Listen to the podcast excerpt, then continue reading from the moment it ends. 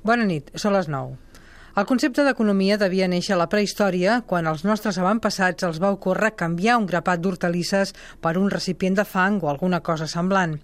Si aquella idea d'intercanvi inicial la traslladem a l'època d'internet i les xarxes socials, ens dona com a resultat el que s'ha vingut a dir economia col·laborativa.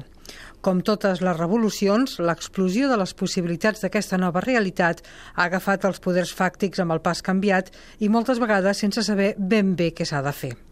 Un jutge de Madrid ha prohibit l'activitat d'Uber, una plataforma que posa en contacte propietaris de vehicles disposats a fer de xofer amb clients potencials, o sigui, una mena de taxistes particulars que al·ludeixen els permisos dels taxistes de tota la vida. La prohibició del jutge no és més que una mesura cautelar mentre decideix quina decisió definitiva pren. Uber ha provocat les protestes dels taxistes perquè consideren que els fa una competència deslleial. Igual que els hotelers s'han aixecat contra Airbnb, una plataforma de lloguer de cases i habitacions particulars. Són dos exemples molt populars de l'anomenada economia col·laborativa que fa trontollar els ciments de l'economia tradicional.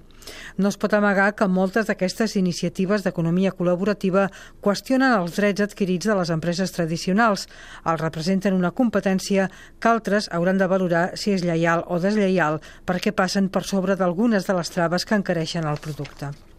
L'economia col·laborativa es basa més en l'ús que no en la propietat, redueix l'impacte ambiental i els costos de transport i de manteniment.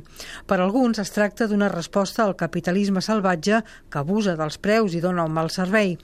Hi ha plataformes de tota mena, d'intercanvi de roba, de cotxes compartits, d'allotjament de viatgers, d'intercanvi de menjar, de prestes econòmics o de crowdfunding que sovint s'aprofiten d'alguns buits legals i en conseqüència, en alguns casos, es mouen en la alegalitat. Per això caldran lleis que posin cada cosa al seu lloc, però s'haurà d'afinar molt i acceptar que les regles del joc econòmic estan canviant ràpidament. Caldran legislacions capaces d'entendre que aquests canvis són irreversibles, que aquesta nova manera de fer negocis és imparable i amb un alt potencial econòmic valorat en més de 80.000 milions d'euros.